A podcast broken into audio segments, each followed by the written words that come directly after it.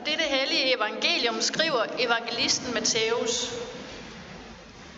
Jesus sagde, Himmeriget ligner en vingårds ejer, der tidligere om morgenen gik ud for at lege arbejder til sin vingård. Da han var blevet enige med dem om en dagløn på en denar, sendte han dem hen i sin vingård. Ved den tredje time gik han ud og så nogle andre stå ledige på torvet, og han sagde til dem, Gå I også hen i min vingård, så skal jeg betale, hvad I har ret til. De gik derhen. Igen ved den 6. og den 9. time gik han ud og gjorde det samme. Ved den 11. time gik han derhen og fandt endnu nogen stående der, og han spurgte dem, Hvorfor har I stået ledige her hele dagen? De svarede ham, fordi ingen har lejet os. Han sagde til dem, Gå I også hen i min vingård. Da det blev aften, sagde vingårdsejeren, vingårdens ejer til sin forvalter, Kald arbejderne sammen og betal dem deres løn, men sådan, at du begynder med de sidste og ender med de første. Og de, der var blevet lejet i den 11. time, kom og fik hver en denar. Da de første kom, troede de, at de ville få mere, men også de fik hver en denar. Da de fik den, gav de ondt af sig over for vingårdsejeren og sagde, de sidste der har kun arbejdet en time, og du har stillet dem lige med os, der har båret dagens byrde og hede. Men han sagde til en af dem, min ven, jeg gør dig ikke uret. Blev du ikke enig med mig om en denar? Tag det, der er dit, og gå. Jeg vil give den sidste her det samme som dig. Eller har jeg ikke lov til at gøre, hvad jeg vil med det, der er mit? Eller er dit øje ondt, fordi jeg er god? Sådan skal de sidste blive de første, og de første de sidste.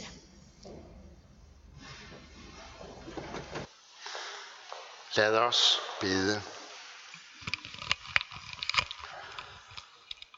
Hvor Gud og far, vi takker dig for dit ord til os. Vi takker dig, fordi du har talt til os, og vi beder om, at du også vil være her med din hellige ånd og tale til os, sådan så vi må se din godhed og høre dit kald til også at være med i din vingård. Amen.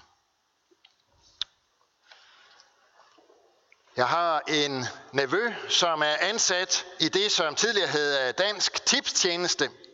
Nu hedder det øh, Danske Spil. Øh, han har blandt andet den opgave at passe telefonen der og svare på spørgsmål, når der er nogen, der ringer ind, enten fordi de ikke helt forstår, eller øh, måske fordi de har vundet, eller gerne vil være helt sikre på, at det nu er rigtigt, at øh, det er dem, der har fået gevinsten, eller hører, hvad gevinsten er. Og det er jo på mange måder et, et øh, herligt job at have, hvor han kommer til at tale med en masse mennesker, som er glade, fordi de har vundet de tips, eller lotto, eller oddset, eller hvad det nu er, de hedder de forskellige spil. Nogle af dem bliver faktisk først glade, når de taler med ham, fordi han kan fortælle dem, at de har de rigtige lottotal eller at det er dem, der har taget hele puljen i tips, eller hvad det nu er. Det er rart at kunne sidde der og gøre mennesker glade. Men der er en slags mennesker, som det ikke er særligt rart at få i rørt. Det er dem, der ringer ind, fordi de tror, de har vundet. Og så skal han fortælle dem, at det har de altså ikke fordi de har hørt forkert, eller skrevet forkert, eller fordi kupongen ikke er udfyldt rigtigt, eller hvad det nu er, man kan tænke sig, der er gået galt. Og det er jo ikke så svært for os at sætte os ind i den situation. Jensen sidder derhjemme foran øh, fjernsynet. Han følger med i lottotrækningen. Han skriver ned hver gang, der bliver trukket et nyt tal. Syv tal og så et tillægstal. Og så sammenligner han med den kupon, som han har købt hen ved købmanden. Det passer. Hurra, han har vundet. Fru Jensen bliver omfavnet. De begynder at planlægge, hvilken fantastisk ferie de skal holde, når coronaen den ellers er et overstået kapitel. Måske overvejer de lige frem på trods af restriktioner og rejseforbud og alt muligt lige at smutte en tur til Dubai. Det er der nogen andre, der gør. Jensen går i hvert fald straks i gang med øh, bilsiderne i avisen for en ny bil. Det kan man da få på trods af pandemi. Og fru Jensen, hun kaster sig over et par øh, køkkenkataloger, som hun lige har liggende. Og så er det, at Jensen lige for en sikkerheds skyld ringer ind for at tjekke, at den nu er god nok. Og så viser det sig, at der er et eller andet, som er gået galt, så han ikke har vundet alligevel. De mennesker, de er ikke særlig rare at tale med, har jeg fået at vide. Fordi de er kommet så langt i deres tanker, at de faktisk mener, at de har krav på den gevinst, som de altså ikke har vundet. Og hvorfor fortæller jeg nu det her? Jo, det er fordi, det er faktisk lige præcis det, der er pointen i den lignelse, som Jesus han fortæller. At der er nogen, der gør krav på noget, som de ikke har ret til. Når vi sådan umiddelbart hører lignelsen, så hører vi den, øh, så hører vi deri, at den handler om en arbejdsgiver, som behandler sine ansatte yderst uretfærdigt. Fordi de har på ingen måde ydet det samme. Nogle af dem har slidt med vindruerne fra morgenen af. De er helt sorte i hænderne og sikkert langt op af armene. Svedige og trætte er de også, for de har gjort dagens indsats og hængt i med det, de var lejet til. Andre af dem er knap nok kommet ind i en rytme. De har kun arbejdet en time, trætte kan de i hvert fald ikke være. Alligevel udbetaler arbejdsgiveren samme løn til alle. Og så er der altså noget i os, som protesterer. Vi tænker, det er ikke rimeligt det her. I hvert fald så vil det ikke holde ret langt øh, i forhold til det, som man nu til dags kalder for ny løn. Det er vist nok noget med, at man får, øh, efter hvad man har ydet, har man ydet en ekstra indsats, jamen så får man øh, udbetalt løn i forhold til det. Det her, det er jo nærmest det modsatte.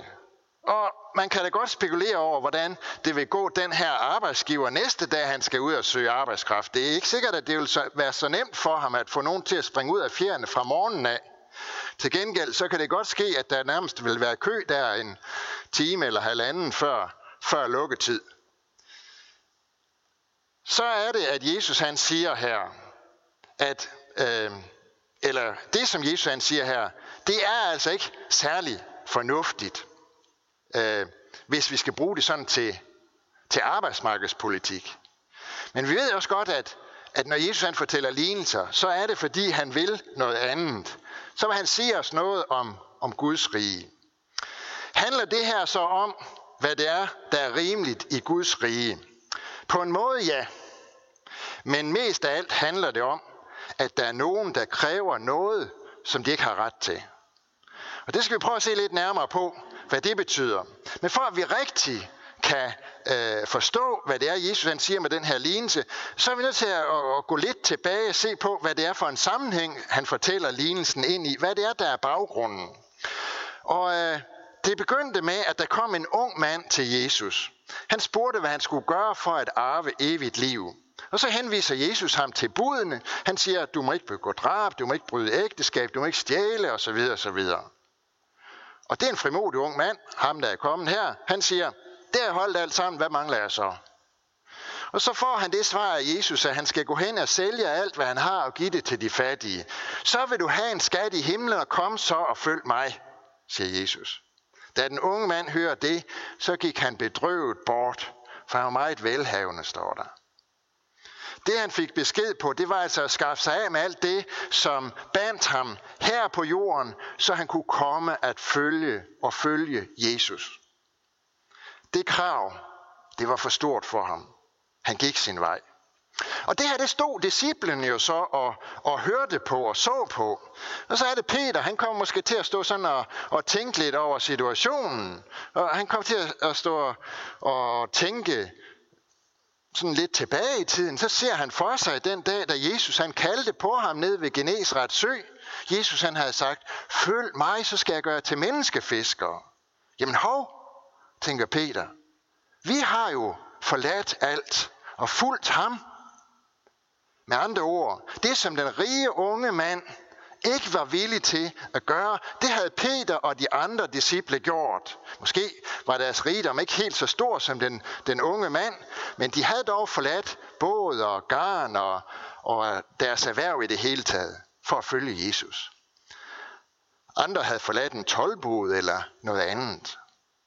Jamen, så må jeg jo have en skat til gode, tænker Peter. Og så er det et spørgsmål, det øh, slipper ud. Se, vi har forladt alt og fulgt dig. hvad får vi så?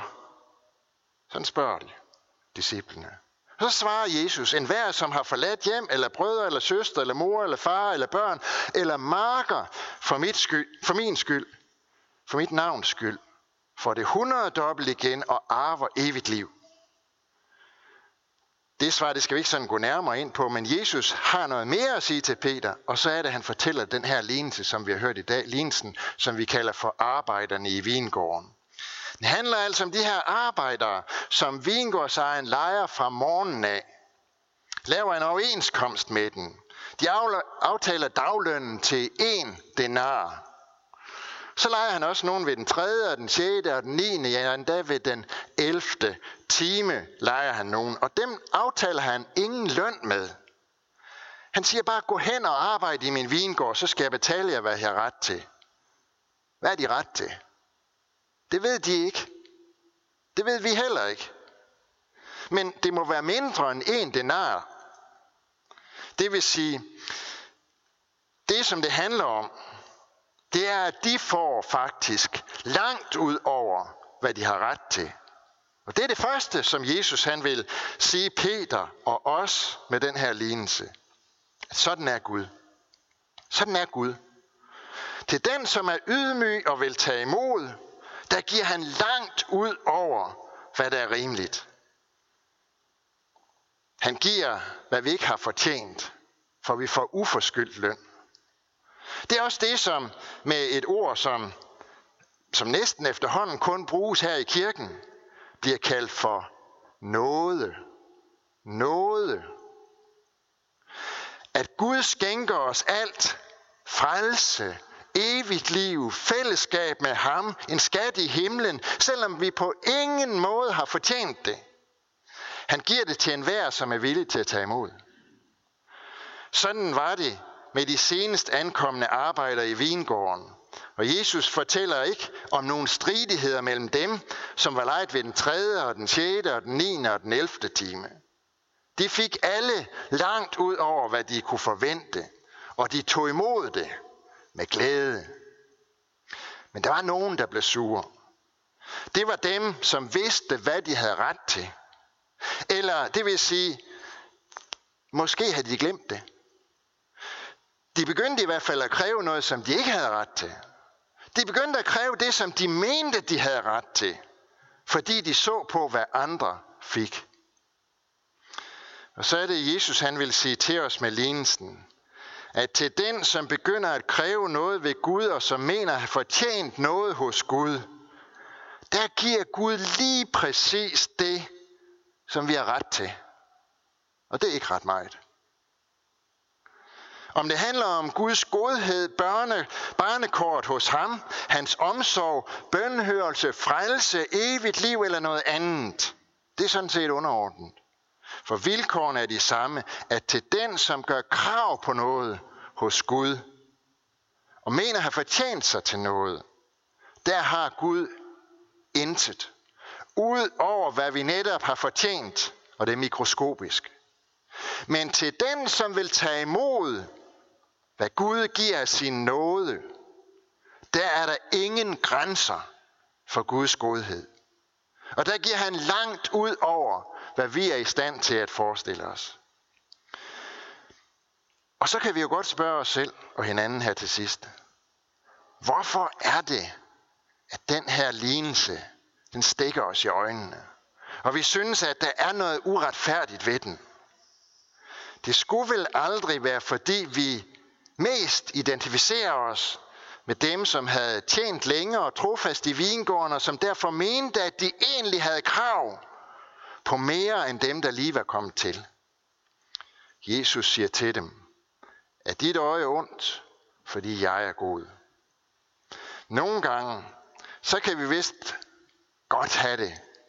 Ligesom dem, der ringer ind til danske spillere, gør krav på noget, som de ikke har ret til.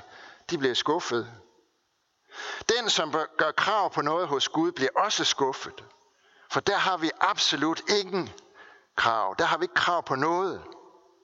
Men Gud ønsker at give os alt af sin nåde.